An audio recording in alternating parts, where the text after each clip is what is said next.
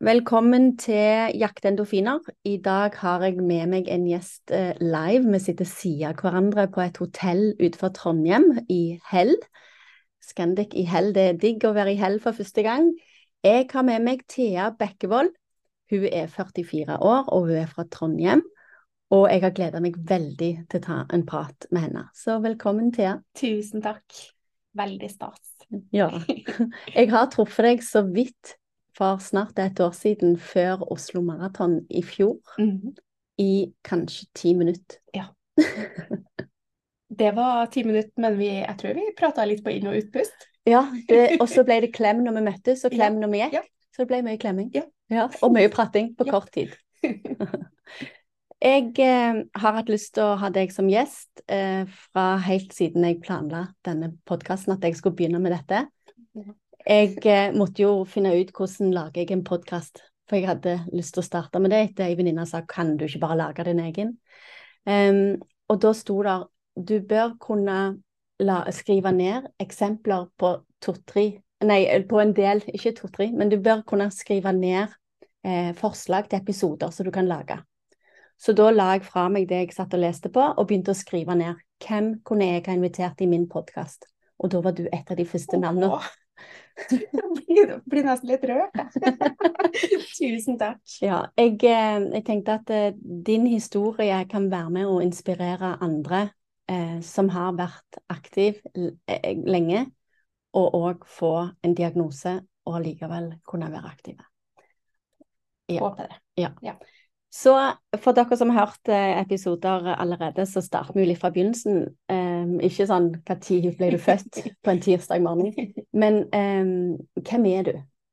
Jeg er jo da Thea Bekkevold, 44 år, trønderjente, gift, fire barn. Eh, Jeg er relativt aktiv, jeg var i hvert fall veldig aktiv før, nå prøver jeg så godt jeg kan.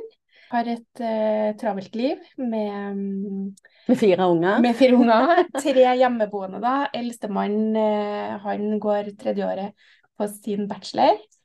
Og det gjør jo jeg også. Men vi går i hver vår by. For han har flytta til Bodø for å følge drømmen sin om å bli politi, som han har villet siden han ble fire år. Og jeg går i organisasjonspsykologi, HR og ledelse på BI i Trondheim. Ja. Og så jobber jeg jo ved siden av. Mhm. Så det er en travel hverdag. Og så skal du være kone oppi dette. Ja, kone, og så skal man jo også eh, være der for barna. Mhm. Og det er jo ikke bare en plikt, skal jeg til å si, det er jo noen ting man gjerne vil. Som i dag så har jeg vært på ekstrajobben min, som jeg elsker, men lille gutt han har spilt håndballcup i dag. Fotball i går, så jeg. Ja, fotball i morgen og kamp, men i dag har han spilt håndballcup, og han har ikke vært med på et halvt år. Så det var litt sårt å ikke få være der, men eh, Anders har kjent snutta med mål og Ja. idrettsglede. Å, så herlig. Ja. Ja. Men tida går fort, ja. Ja. Hvordan var du når du var liten? Gikk du på aktiviteter da? Eh, ja, jeg tror jeg alltid har vært litt eh, aktiv. Eh, litt sånn eh, Hva skal jeg si, da? Litt guttejente òg, kanskje. Glad i å klatre litt i trær og springe i skogen og prøve meg på det meste. Eh, hjertet mitt banka nok mest for fotball. Det var ikke så lurt, fordi vi hadde ikke noe jentelag. Oi. Prøvde meg på håndball. Jeg hadde ikke noe særlig talent der. Dansa jazzballett, det syntes jeg var kjempeartig, men jeg ville gjerne spille fotball.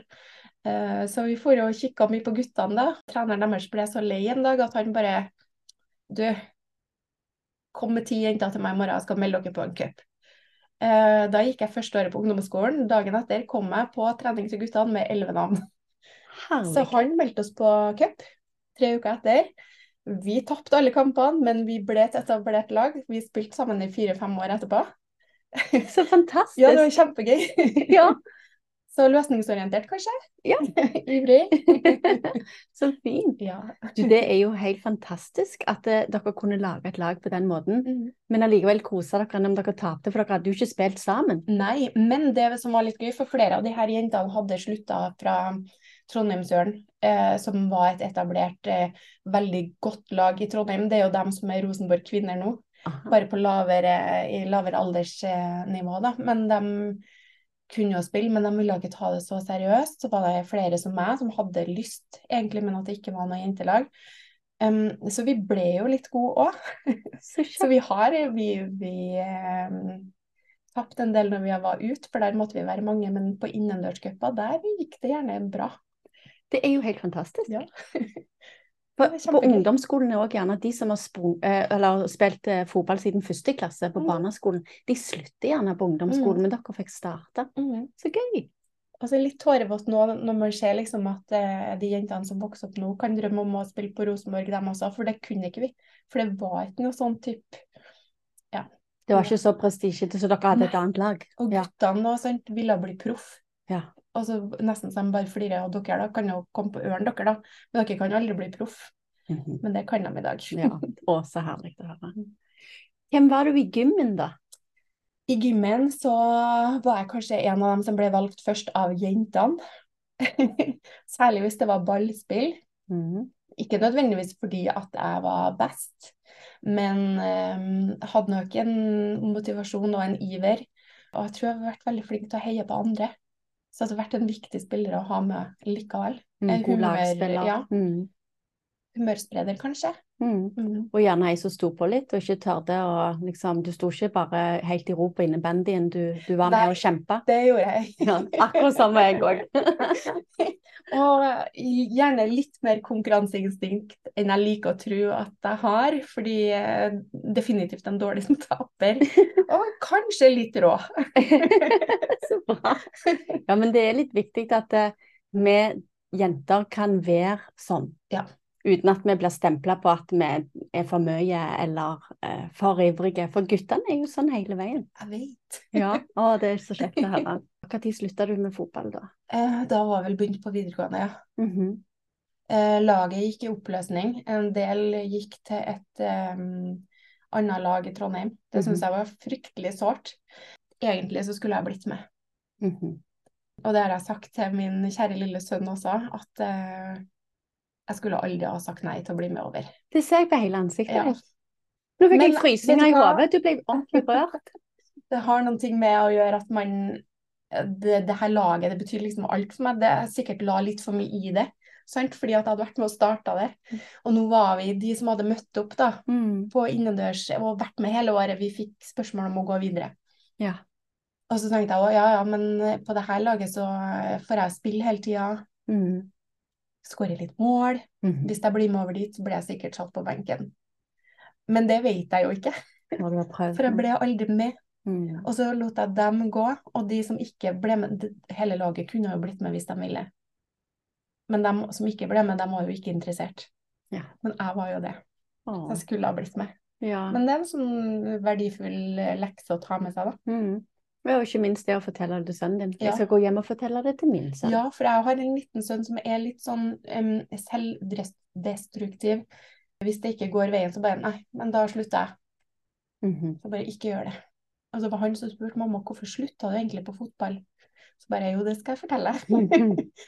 Mm. Så bare, han fikk litt å tenke på han, og det var veldig gøy å se, egentlig. Mm. Begynte du med noe nytt igjen da, du, eller hadde du en pause fra aktiviteter? Eh, ja, da har jeg begynt på roing. Nei, har du råd? ja, jeg har begynt på roing. Er det en greie her oppe i Trondheim? Egentlig ikke. Men jeg hadde en stefar som hadde rodd. Ja. Uh, og han hadde skrytt sånn av det, og så skulle de lage en sånn her um, nybegynnergruppe for voksne.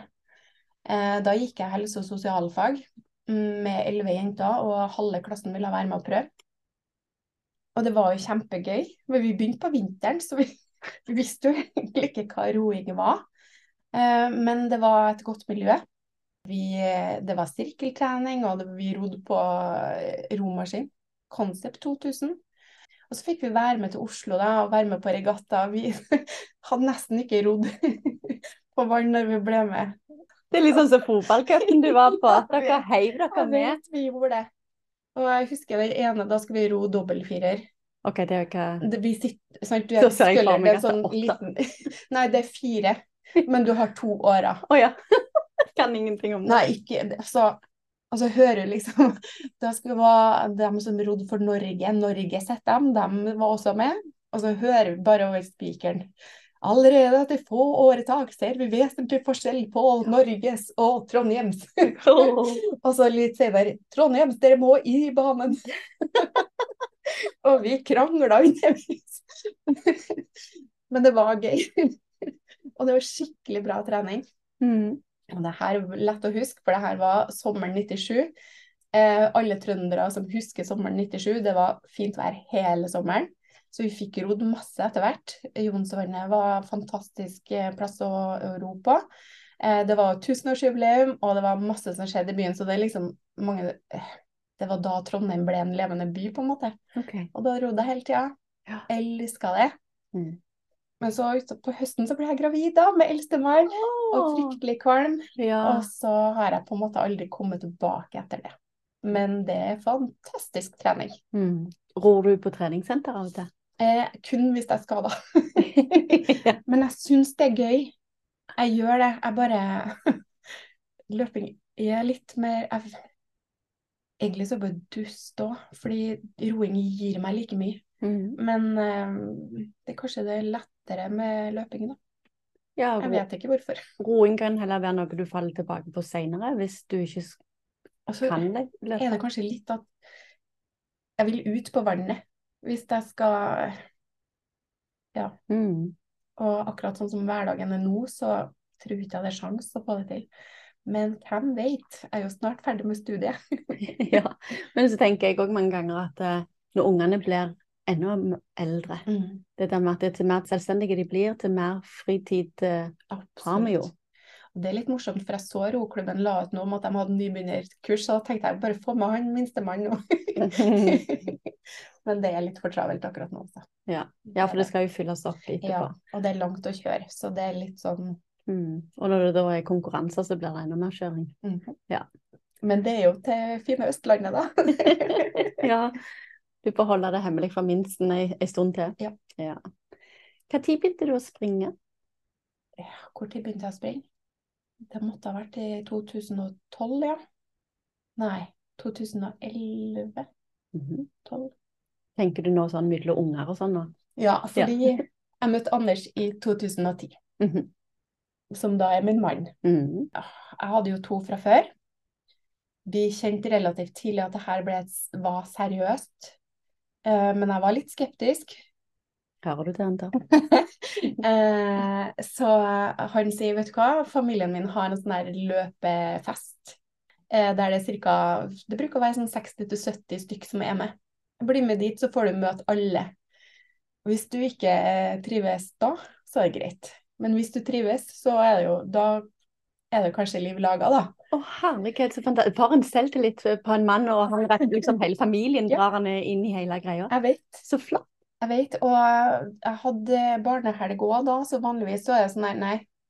Jeg fikk ordna barnevakt, så ble med ned. og var først Vi bodde på hotell da, i Hønefoss, for han sa du skal få slippe å bo selv om de bor rett i nærheten. Du skal få litt pause. Han bodde her i Trondheim, men var fra Hønefoss. Ja, riktig. Ja. Beklager, glemte jeg å si. Ja, så vi gjorde det da, og på fredag så var det liksom bare kjernefamilie, mor og far og søstrene hans, og det var kjempekoselig. De tok imot meg med åpne armer, og skravla gikk til alle sammen, og man bare føler, at det her var bra. Dagen etter så var det da Ringeriksmaraton med alle de her eh, familiemedlemmene, som har laget seg et lag som heter Svigersvina. det er da mm, min svigerfar og svigermor, de har med sine søsken med barn og barnebarn. Alle har på seg rosa skjorter med svin på, da. Det bruker å være mange lag, eh, men eh, veldig mange som heier. Og så er det en stor hagefest hjemme hos svigers etterpå. Mhm. Er dette en fullmaraton, da? Ja. Ja. Den er delt opp enten så de fleste løp eh, stafett, Ja. åtte, noen løp fire, og så er det noen få som tar halvmaraton. Ja. Men det er liksom det fokus på det sosiale, da. Mm. Jeg elsker rosa, har alltid gjort det i hele mitt liv. så jeg trodde jeg hadde besvim, bare alle går rundt med rosa skjorter og er familie. Eller ta på min favorittfarge. Og de var jo helt fantastisk. Eh, på kvelden hadde de også hoppeslott i hagen. Jeg vil på familiefest der. Så Anders måtte ta meg ut av det hoppeslottet, for jeg flira så fælt. Han var bare redd for at hjertet mitt skulle stoppe. og så, eh, når vi står der, da, så sier svigerfar du, Thea, neste år så blir du med å løpe. Så jeg bare nei, jeg er ikke noe glad i å springe, sjø. Så han bare jo da, kom igjen. Bare nei. Ok, det er kanskje litt ufint å si, men jeg gjør det likevel. For så sier han du vet at hun ekskona til Anders, hun var aldri med å løpe. Så bare sign me up!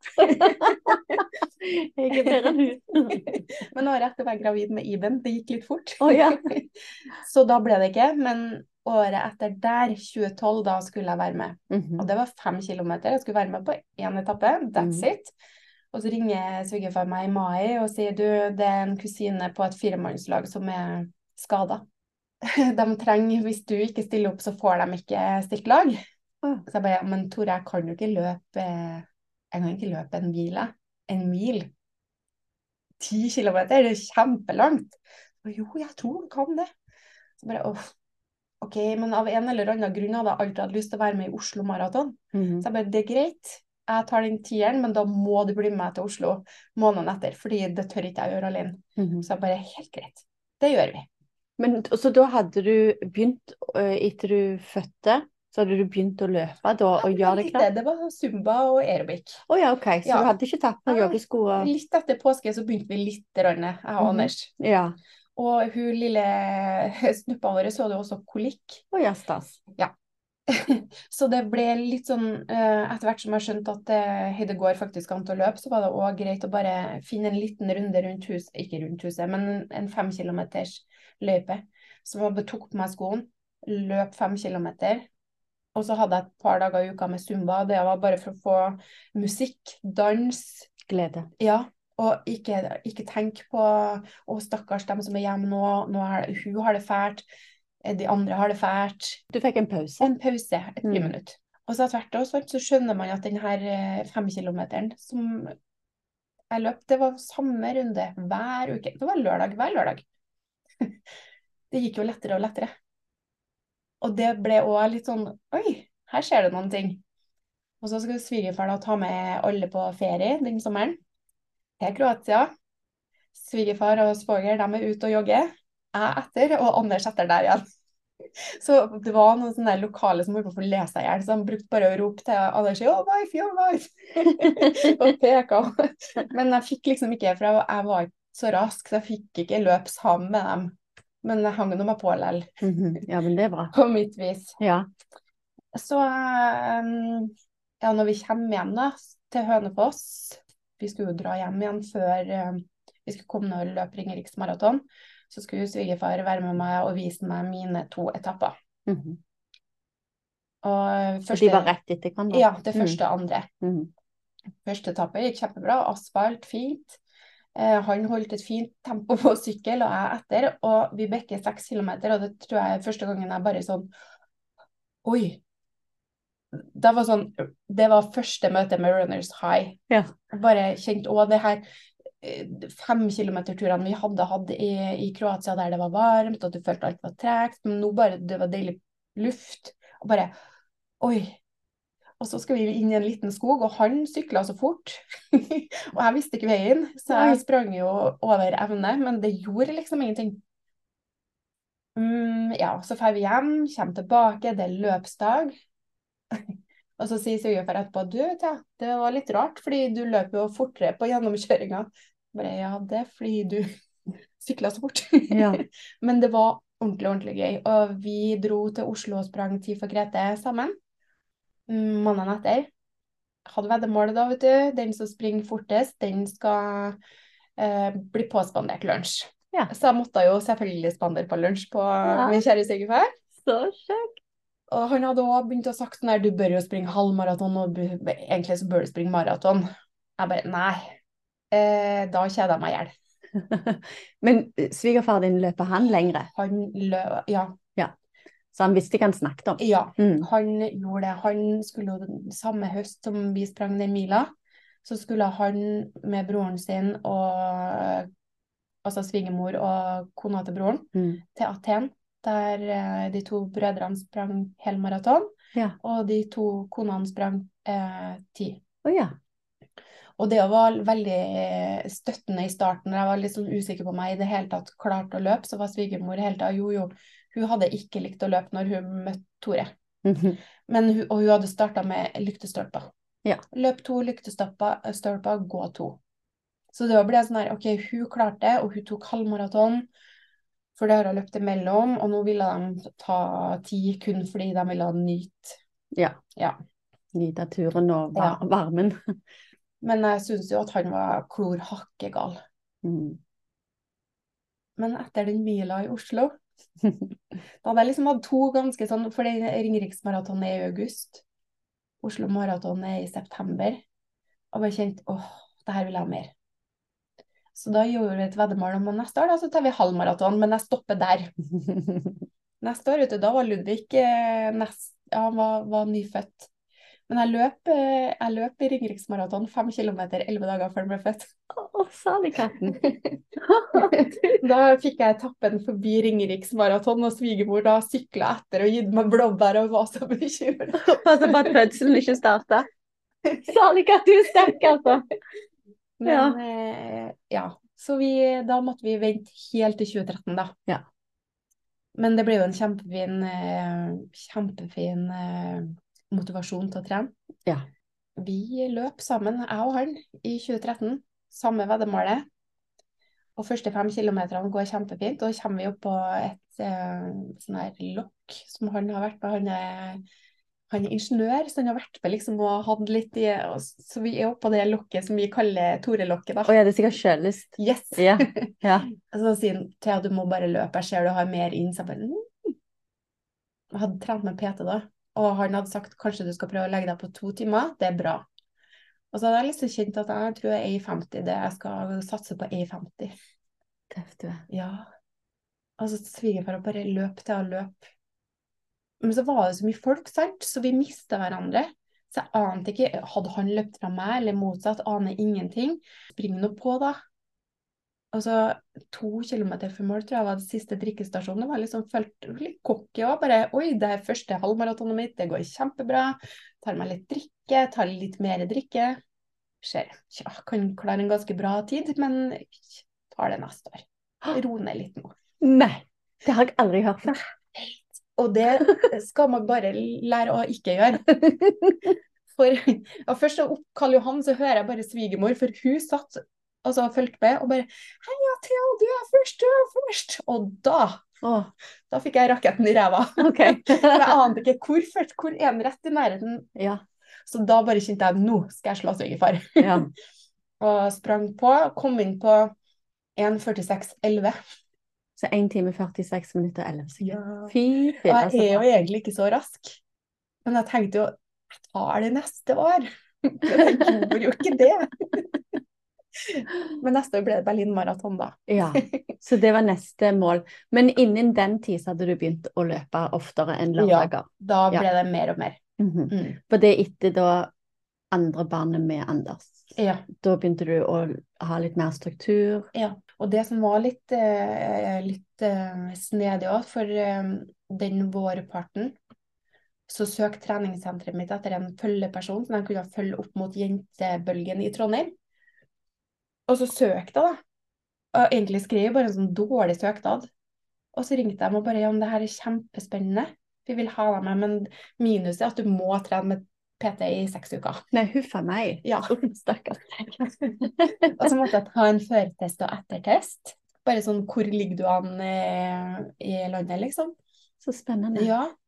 Og så måtte jeg skrive en liten rapport som de kunne få publisert på sine sider, da. Eh, og så tror jeg han PT nå ble litt overraska, for det eneste han fikk vite, var at han skulle møte en firebarnsmor som hadde lyst til å lære seg å like å løpe. Så bare kom og bare Ja, jeg, egentlig så vil jeg springe halvmaraton. så han ble jo òg gira, sant. Ja. Um, For jentebølgen var fem. Det er fem. Ja. For det var jo et av de småløpene, de kortere løpene Ja. jeg holdt på med årlig når de var i Oslo. Mm. Gøy. Mm. Og det har vært mantraet mitt også når jeg sprang eh, første maratonet. Så som når det er fem kilometer igjen, så er det sånn Det er jentebølgen. Det var det Mhm. her det starta Mm, med. mm. Så den lille løypa mi var jo også fem kilometer i starten. Så den, den er med meg alltid. Det er fint å visualisere det. Mm, Mm, det hjelper på. absolutt. Så da fikk du PT og oppfølging Mm, underveis i seks uker, ja. og så Og så skjønte jeg jo det at jeg kunne jo ikke slutte med han. Jeg fikk faktisk egentlig to PT-er. Eh, han ene skulle hjelpe meg med styrkeprogram og sette opp et løpeprogram. Og så var det en som jeg skulle få en sånn her eh, session med, med som var løpsspesifikk, da. Oi. Teknikk? Ja. Herligheten for en luksus. ja, vet du hva, det var helt fantastisk. Og hva årstall var dette? For dette er jo noen år siden. Ja, det var da i 2014. Ja. Så det var jo på mange måter starten det òg, at man fikk på en måte kanskje systematisert det òg. Og hadde noen å spare litt med òg, sant. Mm. Det var kjempegøy. Og jeg ble jo så glad i det senteret at jeg begynte faktisk å jobbe der, eller for kjeden. Så jeg jobba der i fem år etterpå. Herlig. Fordi det var så god eh, atmosfære og stemning, så jeg sendte mail til han som hadde fulgt opp meg, da. Bare jeg hører at dere skal åpne nytt senter. Kanskje kan jeg, har dere, kan jeg få være en barnepass eller noe? Fordi det tenkte jeg da kunne ha passet. Ja. Annenhver helg, da. Ja. Kan jo Anders være alene med de to minste også. Kan du gå og passe noen andre unger? Eh, bare for å få være en del av, eh, av For jeg følte veldig på den energien. Og så plutselig så ringte de og bare Kanskje du kan ha tenkt deg å være mellomleder. Vi, vil du komme på intervju? og da trodde jeg hadde drømmejobben, men jeg klarte ikke. Skjønner du? Ja. Så jeg tenkte jeg drar nå i hvert fall på det intervjuet. Mm. Men uh, ble der, ja. Herlig. Så kult. ja. Det var litt avsporing, kanskje. Nei, nei, nei. Dette er bare digg. Sant vel, lyttere? Ja da. Etter det jentebølgen òg, så kjøpte jeg jo klippekort for resten av sommeren. Og um, da hadde ikke jeg fått jobb ennå. Mm. Det hadde jeg ikke. Men um, da begynte vi liksom å legge en plan for halvmaraton, da. Så, og, og det, var, det var kjempegøy. Mm. Og det var jo hele tida to timer vi tenkte Altså om det ikke går, eller så har det ingenting å si. Man skal bare kose seg med det målet, egentlig. Men så fikk jeg sånne eh, tidsintervaller der jeg burde ligge i forhold til puls også. og Jeg så jo at jeg alltid lå på en måte høyere enn det han sa, så jeg følte at jeg har mer inn. Mhm. Og det stemte jo. Det gjorde jo det. For å, når jeg løp det halvmaratonet, så var jeg ikke klar over fotografer som lå. Så når jeg fikk bildene etterpå, så måtte jeg jo le litt fordi jeg glisa fra øre til øre. Gjennom Ja, men- hele. Det gjør du vel egentlig alltid. Nei, men nå er man mer bevisst på hvor de ligger. Ja, hvor de er med linser. Og visste jo ikke heller at du får dem altså for til, det ante jo ikke. Jeg hadde jo Nå kom jeg på, første gang jeg så deg jeg jeg, Men da traff vi ikke hverandre. Jeg bare så deg eh, Oslo Maraton eh, et år eh, hvor Husker jeg riktig med at Anders hadde kledd seg ut? Nei. Det var jeg. Ja, det var du som hadde kledd deg ut. Ja. Og så var det jo Maria Sørbø, venninna mi, som så deg, og hun begynte å brøle. Jeg hadde ikke peiling hvem du var, jeg bare begynte å skrike og heie. Det var helt vilt. Hva har var Ja. Og, ja. Så da, da har jeg jo sett det det. var 2015. Mm. Det var uka før jeg skulle debutere i, i Berlin. Ja. Anders ville under to timer jeg skulle være hare, og så hadde han sagt bare på tull Du tør ikke være ordentlig hare, du, med kostyme. Jeg bare eh, Jo, det gjør jeg. Så da stilte jeg opp med, med hareører og halestjert, ja. Ja. Det var kanskje første møte jeg hadde med bygdesladder. Fordi det ble jo fanga opp eh, når vi kom i mål. Eh, så vi ble intervjua. Mhm. Og jeg fortalte at jeg blant annet var litt spent fordi at jeg hadde noe trøbbel med hofta. Fått slimposebetennelse da, vet du. Skal springe seg opp til første maraton. Og at jeg skulle debutere i Berlin uka etter. Og da var det jo flere som hadde skjedd det der, og bare «Åh, Gjorde det? Hadde hun ører? Hadde jeg det? Så jeg bare, ja, da måtte jeg vise dem at jeg hadde faktisk en stjerte, også, da. ja. Men eh, vet du hva? Det, jeg var litt flau når vi gikk ut fra hotellrommet. Med hareører og stjert. Men det som var, før vi kom til start, så var det mange som hadde spurt om hjelp. Bare sånn Oi, det ser ut som du har vært med før. Oi, du kan Og så Mm. fikk man på en måte være med å roe mange som var nervøse òg. Mm. så bare Jeg så hvor mange som faktisk ble glada av det der lille stuntet. Ja. Så at det bare Vet du hva, skravle. Mm. Jeg er rar, jeg. Ja, ja. Men jeg tenker òg at eh, når jeg ser noen som gjør noe rart i løypa Når jeg løpte i Berlin, så var det en mann som sprang med et strykebrett. Sant? Altså, du begynner jo å flire, Ja. og så kommer da endorfinene. Sant? Du blir glad underveis. Yes. Du begynner å smile. Det påvirker hele kroppen. Så du har sikkert påvirka så mange, om de har løpt forbi deg, eller du har løpt forbi de. Folk som står og ser på, får et lys på ansiktet. Ja, og det var en kjempeliten gutt som bare sto og ropte 'Å, se på en, en kanin, en kanin, en kanin!' Og han var kjempesøt. Og både meg og Anders begynte å le og Ja. Det var, det var gøy. Ja. Og det som var enda gøyere, det var at eh, Jan Post sa jo på TV-en at han skulle også eh, springe i Berlin, og han skulle eh, gjerne likt å ha de ørene, Mm. for da skulle han jo for han skulle være harde. Mhm. Så eh, jeg sendte ham en melding, jeg. Med bilde med, med ørene. At bare de er i Berlin. Men den så han dessverre ikke før løpet var ferdig, da. Ja. Men det var òg fint, for vi møtte han faktisk på flyet. Og da Mm. var jeg kjempenervøs. Mm. Og da stoppa han opp, og så Anders bare Hei, du, hun Haren, vet du, har du noen tips? Og han bare Ja, vet du hva. De første 32 løp du med hodet, og så tar du de siste 12 med hjertet. Og jeg er jo rosa og hjerteperson, sant. Så Mm. det ble sånn lite mantra. Bare Mm. åh. Og så fikk jeg høre etterpå at det hadde sittet folk hjemme og, og heia, og bare Å, nå har jeg bare hjertetappen igjen. Så det har blitt så fint. Så nå er det nesten Når jeg løper maraton, så gleder jeg meg til de siste tolv, for da begynner liksom hjertet Ja. Ja. Så herlig. Nå ble jeg overraska at det kom fra Jan Post. ja det gjorde det. Jeg lurer på om han hadde sagt det under VM Ingebrigtsen springer. Mm. den er siste runden, det er den du springer med hjertet. Stilig. Så da, når du hadde fullført Berlin, Mm. da går jeg ut ifra at du er ganske så høy på livet og Høy på livet, ja. Jeg var jo høy på livet under det halvmaratonet, skal sies, mm. først. For det syns jeg gikk latterlig lett. Jeg hadde ingen eh, respekt for maratondistansen. Men når jeg kom hjem, da, så hadde jeg jo vært litt sånn uh, du, Litt den der Du har trent hele sommeren, sant? Mm. Litt blues uten at jeg skjønte hva det var. Mm. Så uka etter var det helt tilfeldig at vi lå og så på TV-en, og du så starten på Berlin Maraton, ballongslipp og hele, og jeg bare «Åh, Der skal jeg neste år. Mm.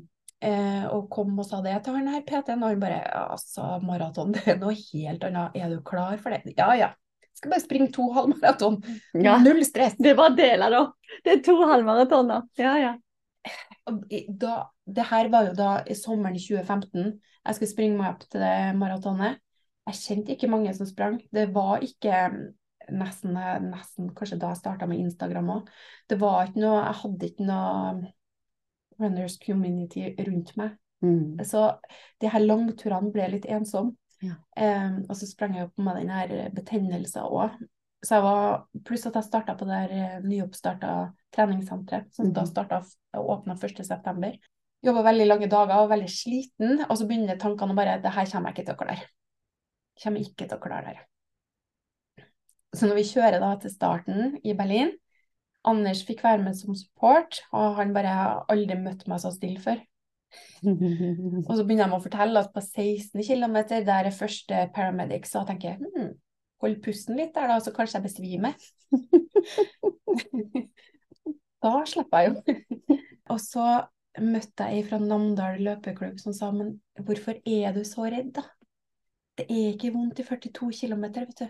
Det er ikke det. Og det hjalp. Mm. Og, da, og så har du de der ordene til Jan Post og sånt. Mm. Så bare OK, prøv å ta det med ro, da. Mm. Så jeg gjorde det, og elska hele løpet. Og så kommer jeg inn i mål, og så møter jeg Anders etterpå, og så sier han Vet du tida di, Ja. Bare nei. Vil du vite den? Mm, veldig usikker. Ja, du løp på 4.01. Jeg bare fader. Ja, så han bare Ja, du må vel tilbake, du, da. Ja. Ja, må vel det. Har liksom ett minutt og noen sekunder så du vil, Ja. vil ta og Pluss at jeg hadde, jeg hadde liksom gått på alle drikkestasjonene og var livredd for å møte veggen. Mm. Da må jeg jo òg bare si til dere som eventuelt lytter som ikke løper, eller som ikke har vært med på løp, så er det liksom Du blir litt sånn eh, koko i hodet på disse tidene at du vil gjerne ha litt sånn under x antall timer, og ikke akkurat ett minutt over eller sekunder over. fire timer og fem minutter hadde Ja. vært bedre. Ja, istedenfor så nærme. Ja. Rett under fire. Ja. Ja. Wow. For en opplevelse. Men jeg er høy på livet, ja. Ja. Men jeg visste bare at eh, jeg skal tilbake, og jeg skal komme under. ja. Har du løpt Berlin mer enn én gang? Ja, jeg var tilbake i 2016, ja. Ja. Du Pluss at jeg på slutten der, når jeg løp under Brannburger Tor, jeg Ja. huska det ikke. Uh, Anders sto jo ved mål og tatt bilde. Jeg ser rett inn i kameraet og vinker. Det er ingen, ingen tvil om at jeg ser den, men jeg huska det ikke. Ja. Så jeg var litt som det å bare Oi, jeg vet jeg elska denne opplevelsen, men det er mye som er borte. Så når jeg dro tilbake i 2016, så hadde jeg respekt for maratondistansen. mm. Um, men jeg tok ikke så rolig på drikkestasjonene, for jeg lærte meg litt å drikke underveis. Ja, det er en øvelse, det òg. Ja. Og så um, Jeg var nå ikke så redd. Det var en helt annen opplevelse. Og når jeg sprang under Brandenburgertårnet, så var jeg helt til stede. Ja. Jeg er her. Ta, ta deg sammen. Nå er jeg her igjen. Ja. Så flott. Ja. Ja, jeg eh, har jo en tendens til å filme eh, når jeg nærmer meg mål. Eh, fordi at, jeg, at jeg vil ha det med meg. Jeg, Ja. eh, for du blir jo helt fjern. sliten og sant? Mm. Ja. Masse inntrykk. Det er masse gøy som skjer underveis i løypa. Du ser masse Mm. Så godt å høre. Så herlig. Har du sprunget mange maraton? Nei, jeg har vært med på ribbemaraton. Mm. eh, Ecotrail. Eller så er det vel der og Amsterdam og London. Ja. Amsterdam var 2018 som oppkjøring egentlig til London, som var mitt nye store mål. Jeg jo, jeg hadde jo lyst til å jakte på det her majors, vet du. ja, den holder jeg på med. Hvor langt har du kommet? Jeg eh, har jo eh, New York nå i november, oh. og så har jeg London til våren, og da har jeg tre av de seks. Okay. Mm, så jeg har bare Berlin fra før. fantastisk. Mm. Jeg har bare to. Ja. Du får slenge deg på oss, vet du. Ja, jeg har ei veldig lyst. Det er bare et par eksamener oppi der. Ja, du har eh, også du har fire unger og eksamener. Ja, det er litt annerledes enn livet til oss andre i gjengen vår. Men jeg tror at eh, Berlin 2025 Mm. henger litt høyt både for meg og Anders. Jeg hadde egentlig kjøpt eh, julegave til han, at vi skulle ha løp Berlin 2020 sammen. Mm. Um, og vi starta jo treninga til det òg, men det skjærte seg jo litt. Ja, kan du ikke fortelle hva som skjedde? Ja, eh, i 2019 eh, Jeg kan jo si Amsterdam Maraton, som Mm. ble tatt litt sånn på sparket fordi jeg fikk eh, startnummer gjennom Misuno. Mhm. Klokka inn på rett over 3.45, som var målet mitt i London, da, som da er et halvt år senere. Jeg må bare stoppe deg der. Du sprang på 3,45 da, Ja, i det- Amsterdam. Ja, 3.45 Ja, 47. men Det altså, var nærmere 3.46. ja, men ja, ja, men allikevel eh, så er Men- et kvarter raskere enn du hadde i Berlin. Det er jo Og veldig god opplevelse. så flink du er. Takk. Der var veldig god opplevelse. Ja. Eh, det, bare du møter så mye mennesker før start som gleder seg, og man hører så mye skjebner. Og der kom det bort en mann til meg og sa bare du har fantastisk energi, for jeg klappa og dansa, jeg var helt alene akkurat ved start. Kan jeg gjette at du hadde glitter i ansiktet? Nei, jeg tror ikke jeg hadde det ennå Du da. hadde ikke starta med glitter? Men jeg hadde norsk sløyfe i hvert fall i år. Mm. Og han fortalte meg at han hadde prøvd Sist han hadde prøvd på 3,45, det var i 98. Og det er så lett å huske, sant, for min eldste sønn er født. Mm. Så vi snakka jo litt om eh, hvor tøft det var å stille seg under denne ballongen. Og så så han dessverre ikke noe mer, så jeg aner ikke om han hadde klart det. Mm. Imellom der hadde han brukket ryggen, og det er bare masse, Ja. masse gøy. Jeg må bare si ballong, da er det en sånn fartsholder, sånn at eh, de er sinnssykt flinke å springe. Og så får de eh, være fartsholder på en tid som de er sikre på at de klarer. Og så kan de som har et tidsmål, da følge den løperen, sånn at de Mm. klarer målet sitt. Mm. Mm. Kult. Yes. Men eh, ja, da Ja. var jeg høy på livet, vet du. Ja. Eh, og mest motivasjon til å fortsette eh, mot London Mm. i april, måneden etter jeg ble 40 år. Trent med PT, da, løpe-PT, som jeg hadde ordna meg. Mest egentlig fordi jeg liker å ha et program. Jeg liker å sjekke av økta. Og jeg liker at noen andre skal bestemme, fordi hverdagen er så travel. Jeg liker å bare vite hva jeg skal gjøre. Og slippe å tenke på krutt og alt mulig. Mm. Men det fungerte bra. det. Ja. London fantastisk. Da klarte jeg målet på 3,45, vet du. Ja. Jeg følte òg at egentlig kunne det ha gått litt fortere, for det var litt trangt. Så at jeg måtte stoppe opp enkelte ganger. Det ødelegger litt flyten. Mm. Men på veien mot det her eh, majors så måtte jeg ha med Anders. Stakkars, han har vært med og vært support så mange ganger og vært med på flere halvmaraton. Jeg ville veldig gjerne at han skulle få ta del i Berlin. Han har alltid vært med på det her frokostløpet dagen før. Og han òg elsker stemninga i Berlin. Så det skulle være julegaven. Før det så skulle vi til Oslo. Springe han halv og jeg hel. Eh, men den sommeren der så kjente jeg at kroppen funka ikke. Eh, skjønte ikke helt hva det var. Eh, hadde slutta på treningssenteret og begynt i en kontorjobb der det var ganske dårlig arbeidsmiljø. Det var noen veldig bra kollegaer selvfølgelig som man lena seg til, men det var en litt uh, ukultur. Så jeg og legen min trodde at jeg hadde møtt litt veggen. Var kanskje litt deprimert, på mye pga. jobb, men også andre ting fra jeg var liten. Så jeg ble sykemeldt, men tenker jeg prøver Oslo lell elsker Oslo Maraton. Og jeg har blitt ambassadør, må jo også sies. Mm. Um, men det var liksom Ja, det er min løpekarriere starta. Mm. Um, men etter en runde i uh, halvmaratonløypa, jeg skulle jo da ta to, så jeg kjente at jeg må bare, jeg må bare gi meg. Så jeg gikk ut av løypa, tok av startnummeret og prøvde å skjule meg litt. Heldigvis så hadde vi et sånn her ambassadørtelt, så jeg fikk være litt i fred. Uh, men telefonen sto jo ikke, for folk hadde jo sett meg. Ja. Um, så bare kom Anders dit etter han hadde løpt. Um, og så sier jeg det her går ikke, jeg må faktisk springe tid for Grete, fordi jeg må ha medalje, for jeg vil på afterrun. Mhm. Og han bare er jo sikker, fordi han har jo sett at jeg var helt kjørt hjem òg. Jeg bare ja, men jeg tar det med ro. Men jeg bare kom meg rundt.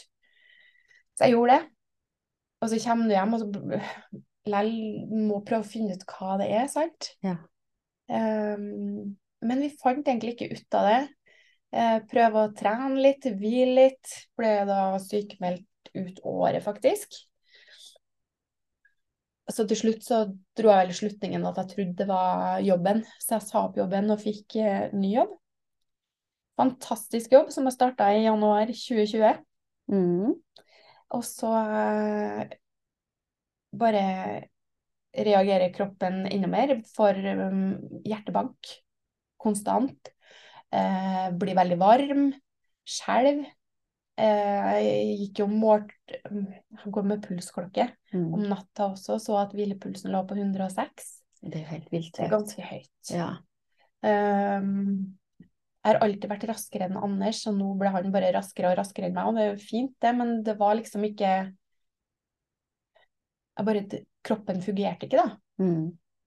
Heldigvis så hadde jeg en kollega på den nye jobben som, som også hadde jobba på det samme treningskjeden som jeg hadde jobba på, som kjente meg bare det, Du må gå til legen. Eh, Det er noe alvorlig galt, liksom. Yeah. Um, og så gjorde jeg det. Og så fant vi ut at jeg har stoffskiftesykdom som heter Graves. Kroppen jobba på høygir. Uh, endokrinologen, spesialisten, prøvde å trøste meg med at uh, for hun sier du kan ikke springe så lenge uh, du har så høy puls, så kan du ikke trene. Men uh, du får Kroppen din trener, vet du. Og bare, ja, det er jo ikke akkurat Det er jo ikke sånn jeg vil trene. Nei. Um, men da måtte jeg ta det veldig med ro. Ja. Begynte på medisiner. Eh, I starten så var det inn og ta blodprøver hver uke for å prøve å finne stabil, et stabilt stoffskifte. Da.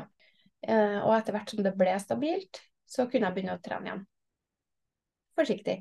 Ja, så det er litt tricky sykdom, egentlig. Og noen merker lite til den. Eh, mange blir ordentlig dårlig. Det er jo også en kronisk sykdom, men den kan jo gå i dvale og bli borte. Men veldig mange sliter med det.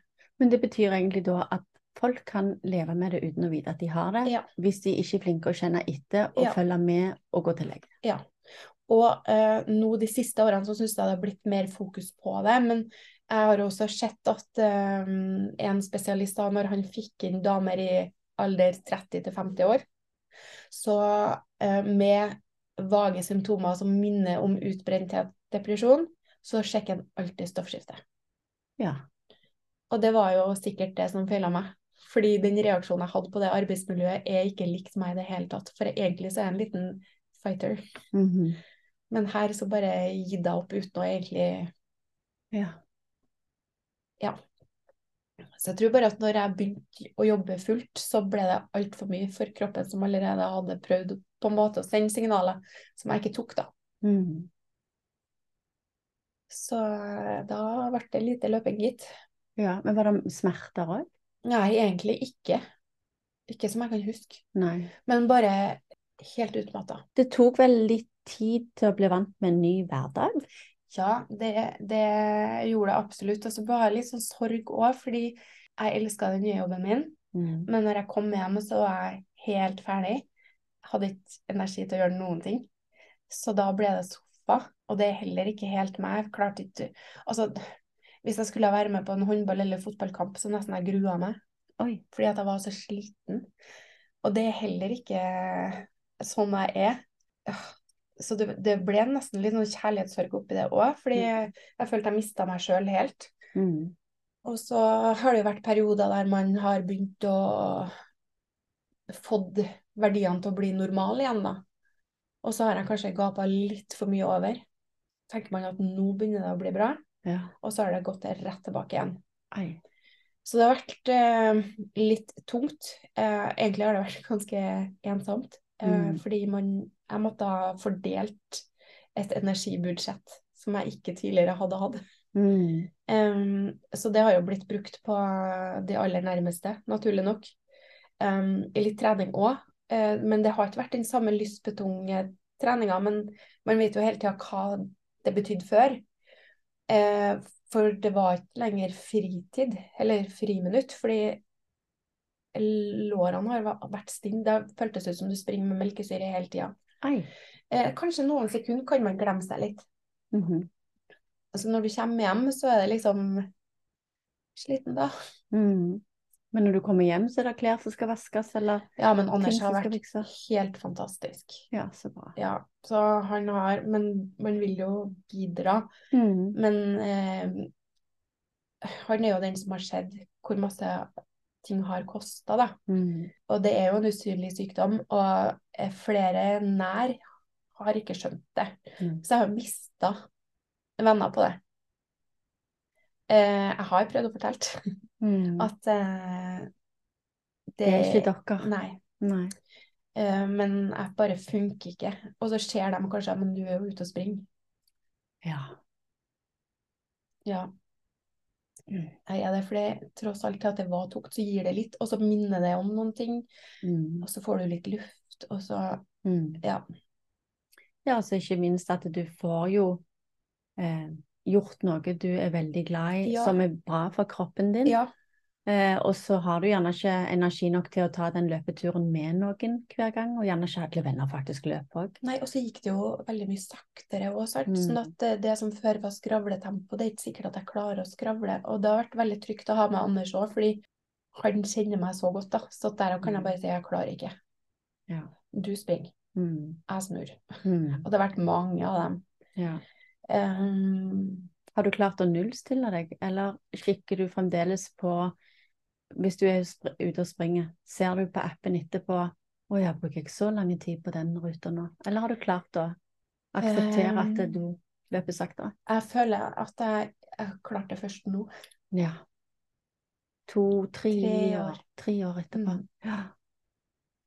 Men eh, nå eh, fikk jeg jo faktisk verdens beste telefonsamtale dagen før bursdagen min i år, ja. om at uh, prøvene var helt fine. Og det har vært stabilt siden. Fint. Så jeg er per eh, nå frisk som Ja. en fisk. Ja. Men det ligger liksom og ulmer hele tida. Jeg vet at stress kan være med å trigge det. Men den følelsen av å springe er som før. Mhm. Ja, det går saktere, men jeg har ikke stinne lår lenger. Så herlig. Det er helt fantastisk. Og så jeg prøver å være veldig bevisst på det, for jeg vet at tilbakefall kommer til å komme. Mm -hmm. Jeg har ikke noe lyst til at det skal komme, fordi jeg syns det var helt pyton å være så bundet til sofaen. Fremdeles så er ikke energinivået der det var før. Men det er mye, mye, mye bedre. Ja. Eh, så jeg prøver å skynde meg sakte, da. Så i år så har det liksom vært Ja, for jeg har jo gått på blunder underveis, sant. Hatt gode treningsperioder og tenkt nå skal jeg på maraton og bli heiv meg med på backyard. Og det gikk fint i ni runder, og så begynte jeg å kjede meg litt, for det var ikke så mange som var med. Mm. Uh, så jeg tenker at uh, jeg bare gir meg her, så får jeg en fin treningsuke. Og så gitt jeg meg der, og så gikk en og to dag, som var normalt, og så kom smellen. Eh, da tok det lang tid. Mm. Det var jo på sett og vis verdt det, fordi det var bare den siste runden jeg kjeda meg litt på. Rundene før hadde man fått løpt sammen andre, fått tatt del i et løpemiljø igjen, og det var helt fantastisk. Mm. Um, men når du så hva det kosta i ettertid, så var det på en måte ikke verdt det. Mm. Så jeg prøvde å unngå um, sånne type tilstelninger etterpå, fordi det er litt trist å stå og se på, for du vil så gjerne være der. Og så vet jeg at ja, jeg kan være med å løpe en runde eller to, mm. men det mest sannsynlig så tar jeg én eller to for mye enn jeg egentlig klarer. Og jeg er livredd for å få tilbakefall. Ja. Så i år har jeg vært knallhard med meg sjøl. Bare du får ikke lov til å trene til mer enn 10 km. Så um, Oslo Maraton var målet mitt. Mm. Tid for Grete. Mhm. Back to eh, start. Ja. Eh, og så begynte jeg sånn jeg har vært, Det har vært snedig å komme seg under timen igjen. Mm. I mellomtida så har det vært masse småløp jeg ikke har tørsa å blitt med på, for jeg er livredd for at folk skal se resultatlistene. Bare Oi, hun som springer så mye, hun som er så glad i å springe, springer ikke fortere. Nei, Nei, jeg gjør ikke det. Ja.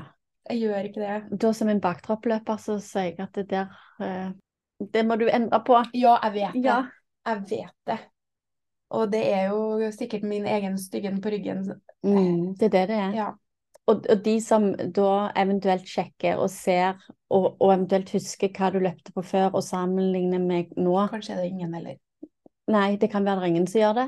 De aller fleste tenker jo som regel bare på seg sjøl. Ja.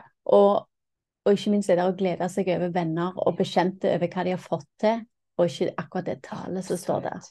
Ja. Så, men jeg har fulgt et lite program nå, da. Ja. Og så fikk jeg startnummer av Anders til Trondheim i forrige uke. En ti kilometer. Skulle springe sammen, han og jeg. mm. Og så hadde jeg uansett en nøkkeløkt. Det var ti minutter oppvarming. To ganger 3000 meter i ønska liksom kilometerfart. Med Ja. 90 sekunders pause. Mm. Kanskje jeg bare skal gjøre det. Kanskje jeg skal tørre å bli med på løpet igjen. Um, og så tar jeg bare den økta. Så bare, skal ta ei økt i et løp? Ja. Det må være gøy. Mm. Men hvis det ikke går, så går det ikke. Men vi stilte oss igjen da på seks ballongen. Altså seks eh, minutter per kilometer for å komme under timen. Men, men hvis det ikke går, så går det helt fint. Ja. Jeg bare prøver. Og hvis det føles greit ut å ligge sammen med han, så kanskje jeg bare gjør det òg. Jeg vet ikke. Vi får se. Ja. Så når startskuddet går, så bare kjente jeg en sånn her glede jeg ikke har kjent på 10 000 år. Sikkert siden 2019 da, i London. Mm. Um, og jeg klarte jo ikke å være stille. Altså, jeg flira høyt. Og Anders hadde ikke noe musikk eller noen ting, så han kikka jo bare, han ble så glad. Mm. Jeg ser at han blir rørt. Og så springer vi videre, og jeg kjenner bare innom bare sånn åh, Det var bobla over. Og så, etter ti minutter, da, så begynner jo Garmin å pipe, fordi da skal jo mitt første drag starte. Å ja. Så kjenner jeg bare Ja, søren heller. Så da sprang jeg tre kilometer litt fortere. Så pip Garmin igjen, og jeg bare OK, da skal jeg ha 90 sekunder der. Lunta. Så jeg må jo Mm. sett litt sånn smågale ut òg, for sånn, på slutten av et drag så drar du gjerne litt på. Ja. Og da springer jeg forbi noen, og så plutselig bare Nei, nå skal han lunte. Ja, ja, ja. Og så 90 sekunder, så pip det tre ganger igjen, og bare uh. Men eh, jeg kom inn på litt under timen, vet du. Oh, high five. Yay. Så da har jeg på en måte klart målet mitt i Oslo, da. Mm. Så da Og hvordan er formen din nå, da? Den er kjempebra. Ja. For nå er det jo hvor mange dager siden Trondheim Ja, lørdag, søndag, mandag til tre. Ja, tre dager siden. du- Og du er fin. Du har ikke fått Faktisk løpt de to andre dagene nå, vet du. Oi! Det er det verste. Så du har vært såpass i god form Ja. at du kunne løpe etter løpet? Ja. Så fint. Men òg bare sånn der OK, Ja. så i dag begynte jeg å tenke kanskje skal jeg prøve å presse inn en styrke. Bare nei, det skal du ikke. ja. Nå er det mye med skolestart, jeg starta en nytt eh, praksisplass gjennom skolen og alt. Så bare nei, nå skal jeg faktisk la styrke vente etter Oslo Maraton. Og så jobber du til åtte i kveld, og så kommer du rett bak på hotellet her jeg er, og så sitter vi og, og jobber her. Ja, det er bare koselig. så Ja. bra. Men så fint. Og da skal du til Oslo da om to uker? Yep. Ja. Da ses vi da. det blir så gøy. Mm. Jeg skulle egentlig løpe den Tre for alle der. Jeg er frivillig og fikk, Åh, fikk sånn startnummer, men Tre for alle er jo avlyst. ja. Men jeg fikk lov å være med og springe ti for Grete. Og jeg har aldri sprunget den ti kilometeren i Oslo. Jeg har bare vært med på halvmaraton. Åh, Den er så fin! Ja, det er det jeg har hørt. Så det blir gøy. Ja, det blir gøy. Mm. Å, da ses vi. Ja, det gleder jeg meg veldig til. Åh. Ja. Når du har vært og løpt noen ganger og legger ting ut på Instagram, så ser jeg at eh, du har ikke løpt alene, og det er ikke bare du og Anders som har sprunget. Dere er jo en gjeng.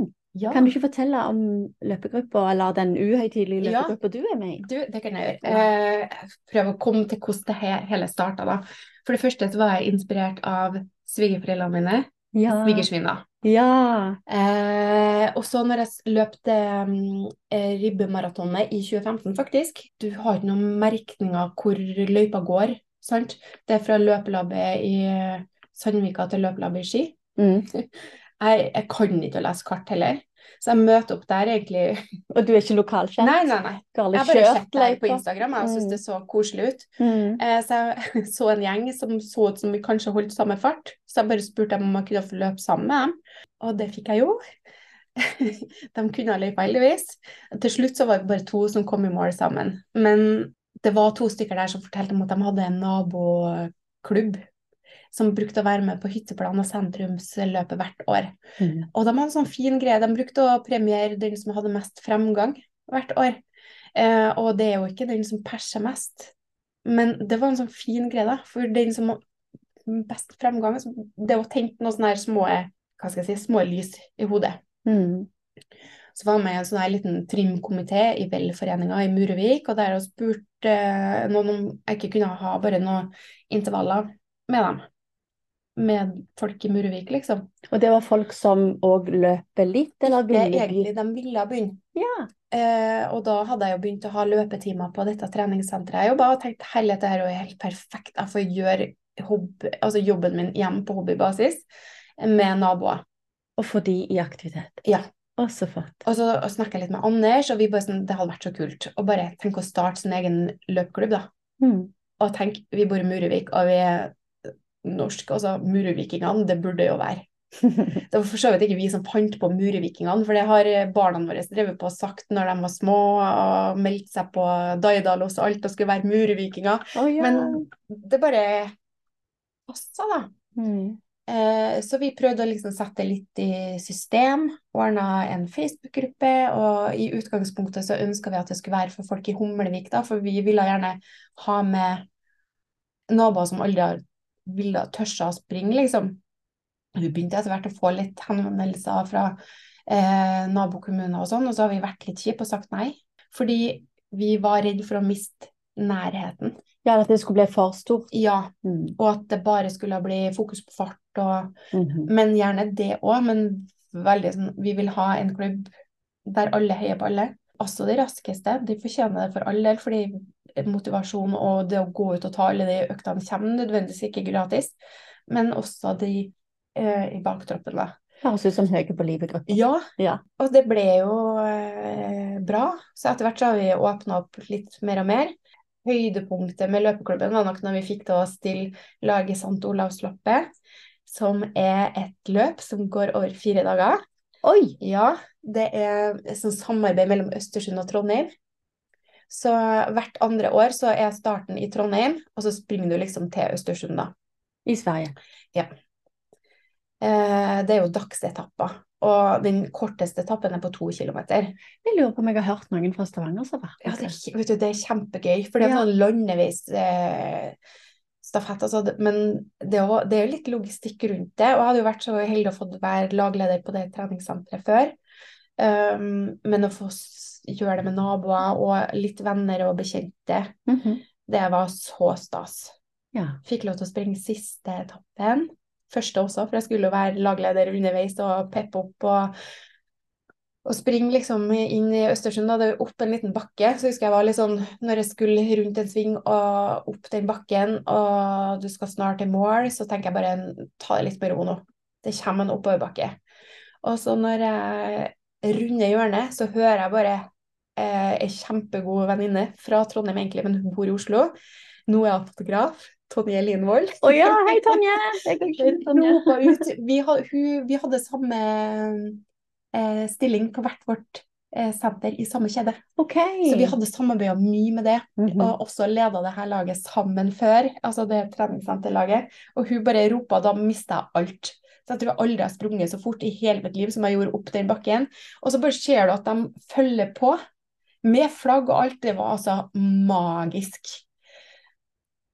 Så kult. Så etterpå så bare jeg bare datt liksom sammen, og folk trodde at det var for å få igjen pusten, men det var altså fordi at jeg gråt så fælt. Fordi det er så takknemlig at vi har klart det. Alle de Og det har vært mange eh, Det var mange ganger det nesten ikke gikk, sant. Fordi at Mm. noen ikke klarte å komme seg til tappa si, eller sånne småting som gjør det veldig spennende, men litt også energitappende. Åh, Spesielt når du står der og venter. Jeg skulle ha nest siste og nest, og nest siste og siste etappe. Så når du står her og venter, og bekjenner du deg sliten fjerde dagen, men alt er glemt når det kommer over mål. Liksom. Ja, ja, ja. Og da kommer følelsene så veldig òg. Og vi hadde med han yngste, tror jeg var ni. Kan barn òg være med? Ja, Så og kult. Mali òg var med. Altså, uh, dattera mi, der var jo 2019, hun er to år eldre. Og svigerfar og svigermor kom og ble med. Så vi hadde et spenn der fra ja, ni til Hvor gammel var svigerfar, da? Kanskje 69? Ja. Herlighet.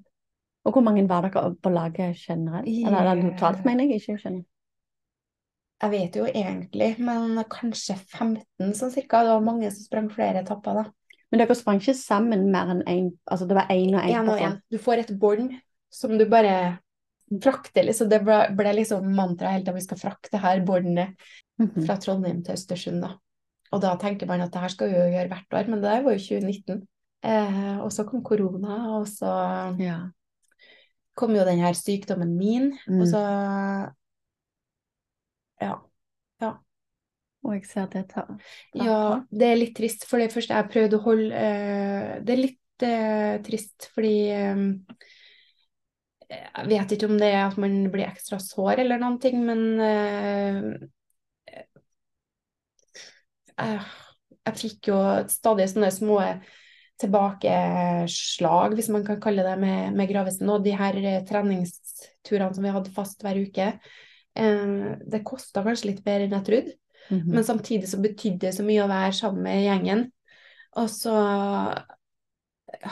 Pusher du deg for hardt? Ja, og så får du høre at eh, det blir litt snakk om at denne løpeklubben, det er jo bare, det er jo bare Theo og Anders som skal frontes. Eh, og det var litt sårt. Fordi jeg følte ikke at det kanskje var helt rettferdig. Og jeg, Frontes i den forstand for sosiale medier, ja, og det er klart, det er jo av og til litt lettere å fronte seg sjøl, fordi at jeg har jo samtykke. Ja. Eh, og man vil ikke mase mye. Men samtidig så er det vi som sto der uansett vær og vind, og arrangerte øktene òg. Mm. Eh, ja, det har blitt litt i lokalavisa, men det har ikke vært vi som har uh, tatt kontakt og sagt hei, kom og skriv om oss, eller kom og intervjue oss på radio. Ja. Så den, jeg kjente den traff meg litt, da. Så oppi alt med skole og alt, så trakk jeg meg unna løpeklubben. Åh. Men jeg tror det er bare en liten pause. ja. Så jeg har sagt til Anders nå, bare hold du fortet, vær så snill, hold fortet. Eh, jeg håper energien er der til uka etter jeg er ferdig med siste eksamen. Ja. Så um, skal vi klare å. Få løpeklubben tilbake igjen. Ja.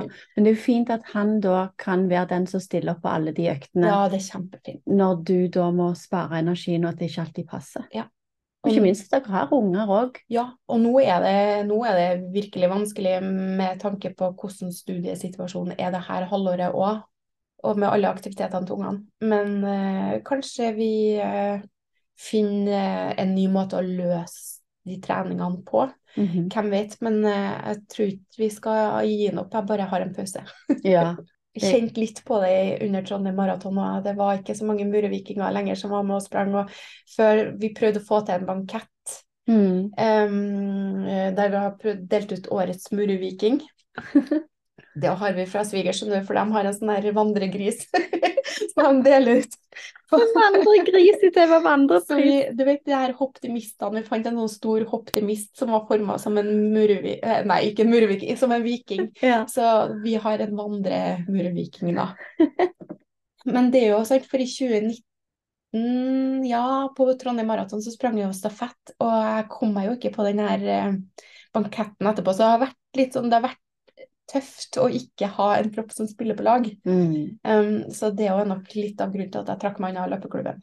Ja, og så er det det da jeg òg har jo en eller flere usynlige sykdommer og diagnoser. Og heldigvis så er det jo lettere for meg òg å glemme at jeg har en av og til, når du ikke har dager Ja, når du har dager uten problemer, da. Ja.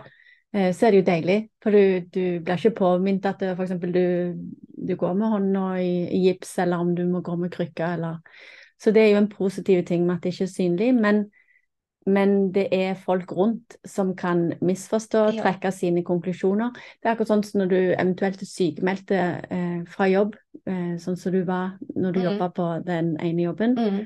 Eh, hvis du da går ut og tar en løpetur, Ja. så kan du være redd for at noen ser deg, for de vet at du er sykemeldt. Men løpe kan du. Ja.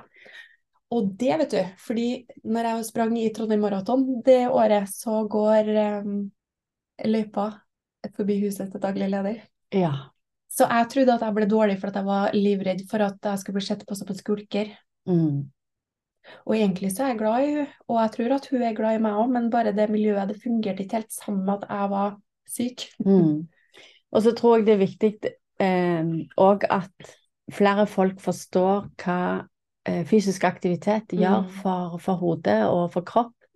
Eh, jeg hadde òg en gang, eh, når ungene var veldig små, så hadde jeg en låsning i nakken som gjorde at venstrearmen var svintunge. Jeg kunne ikke holde sønnen min på to år i hånda fordi at det gjorde vondt. Ja. Jeg følte jo han reiv og sleit i han når man bare holdt vanlig. Jeg kunne ikke kjøre bil med begge hender på ratt, f.eks. Eh, på grunn av den låsningen. Ja. Eh, og da sa fysioterapeut Jeg gikk til kiropraktor, jeg endte opp hos osteopat, som fiksa så virkelig fant ut hva det var. Det gjorde ikke de andre. Så sa han at du må ut og gå tur, svinge Mm, med mm. armene, du må, men ta det forsiktig, bygg deg opp. For til mer jeg gjorde, til mer vondt gjorde det. Men gå ut og Mm. beveg deg. Kom i bevegelse. Og da òg kunne jeg gjerne få kommentarer fra andre, da. Ja, men herligheten, du kan jo ikke legge ut på, på sosiale medier at du har vært ute og sprunget eller gått tur, når det begynte å Ja. komme seg. Men det er jo det som gjorde meg frisk. Ja. Og jeg skulle ønske at flere visste, og jeg har sett det så klart fra alle de timene jeg har på treningssenter, der det har kommet folk som har stått i kø for uh, ryggplager, som bare eh, har egentlig så vondt, men prøver PT mens jeg står i kø. Og ene bare kom ene dagen og var så fornøyd. Han har kansellert operasjonen fordi styrketrening var det han trengte. Ja. Det er helt fantastisk. Og ja, Mm. ja, selvfølgelig. Det kosta meg med at jeg ble kanskje liggende litt på sofaen. Mest sannsynlig så har jeg ligget på sofaen uansett. Mm. Så det var ikke på grunn av trening. Det Mm. Nei. Mm. Ja, nei, den, eh, den treninga er viktig i livet. Absolutt. Og det er, som jeg har nevnt i, i podkasten tidligere, at det, jeg håper jo å nå ut til flere folk som fremdeles sitter litt på, på vent med å ha lyst til å komme i gang og trene. Sånn som de naboene eller i, i nabolaget ditt. De hadde lyst, og de Ja. tørde å spørre. Ja. Det er jo helt fantastisk. Ja, det er helt fantastisk. Og eh, de er nok med ennå, så at det er bare litt eh, Noen er med fremdeles, og noen eh, Mange fikk litt eh, livet i fjeset på, under korona. Mm. Det, det, det er nok mange som ikke har kommet i gang skikkelig. Mm. Ja, eller òg gjerne noen har funnet en annen treningsform. For det, det er jo det der bare å komme i gang med noe, mm. og kjenne at eh, på noen områder så blir livet gjerne litt enklere Mm. med å få de endorfinene. Absolutt. Det er jo akkurat sånn som vi sier når vi har vært og løpetur med andre, så føler du at du løser verdens problemer. Eller du tar en løpetur alene og du kjenner at det holder på å koke over for det er et eller annet hjemme. Ja. Og så tar du en løpetur, og så kommer du hjem, og så kan du håndtere de problemene på en annen måte. Helt klart. Ja. Og jeg tror gjerne derfor vi blir litt sånn avhengige òg. Mm. Fordi at du får tenkt på noe helt annet. Du ser problemer fra andre Mm. vinkler, og du håndterer de annerledes etter en treningsøkt. Mm. Uansett. Og så hørte jeg, jeg hørte en podkast på flyet fra Bergen til Trondheim i dag, og da eh, snakket de om eh, det at eh, Sånn som du sa at når svigerfaren din spurte om du ville være med å løpe, at du bare nei, nei, nei, nei, ikke aktuelt. Men tingen er at hvis du gjør noe så, Hvis du prøver deg på noe som du egentlig ikke liker, og legge til musikk Mm. som du liker Mm. F.eks. For eksempel folk som begynner på zumba, ikke sant? Ja. Så går de og, og danser, og så, blir, så klarer du ikke å la være å slutte. Du begynner jo å smile. Jeg tror ikke jeg har sett en sur person Nei. på en sånn Nei. gruppetrening med musikk. Nei. Det får deg i godt humør. Det samme òg med å gå tur med musikk på øret. Løpe med musikk på øret. Du, du det, det er sånn at du svever litt. Og da har du lyst til å ha den følelsen på Mm. nytt, og så gjør du det igjen. Mm. Og så er det bare det at noen trenger å få det litt strukturert. Sånn som du måtte tenke annerledes, få ting til å gå opp Ja. med tanke på fire unger. Jeg, er, jeg har to, og det holder lenge. Men bare det å få det til å gå opp. Du, du finner om, eh, tider på døgnet og dager i uka som passer. Så gjør du noe du liker. Da blir jo du ei eh, god mor, eller ei bedre mor, Ja. og ei bedre kone. Og det er litt gøy òg, fordi disse barna liker jo å løpe. Men det er jo ikke min skyld. Det er jo, det er jo uh, kjære svigers.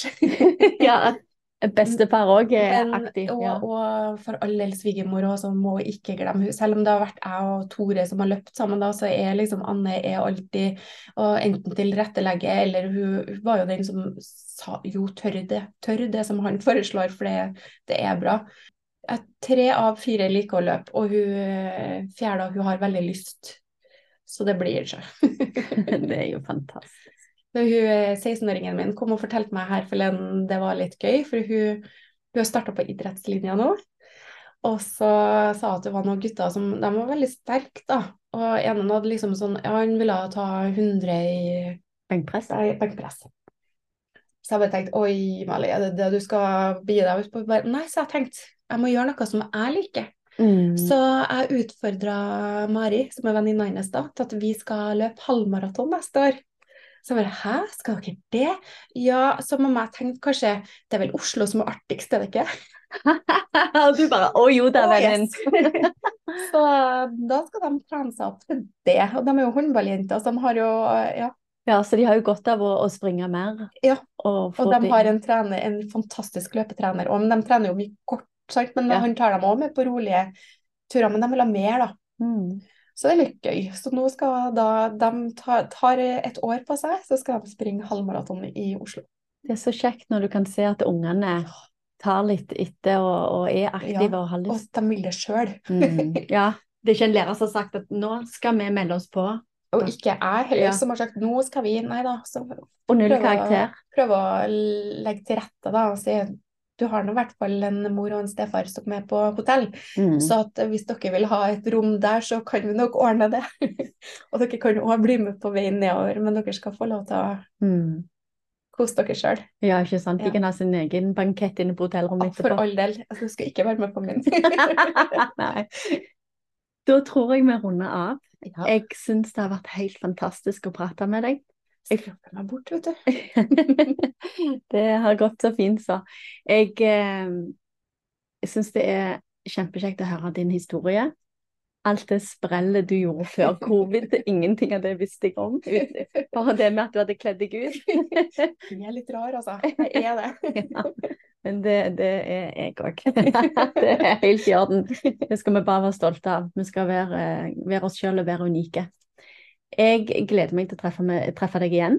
Takk i likeså. Det blir jo da i Oslo Ja. om noen uker. Eh, Denne podkasten er jo spilt inn før Oslo Maraton og kommer ut etter Oslo Maraton, men eh, det blåser vi. Ja.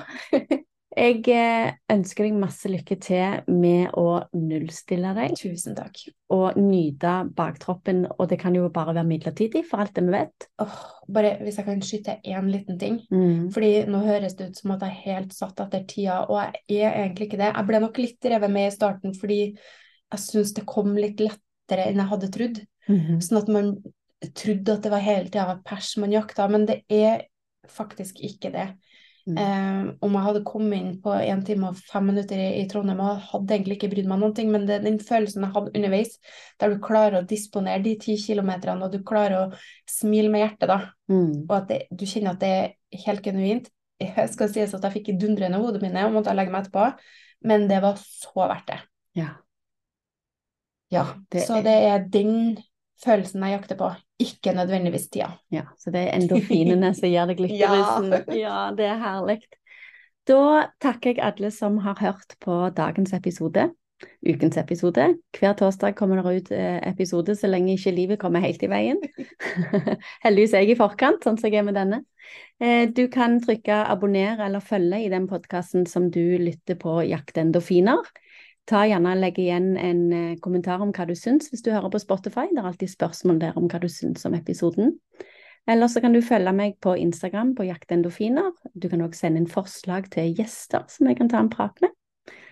Så ellers får du ha en eh, fin dag, og så høres vi.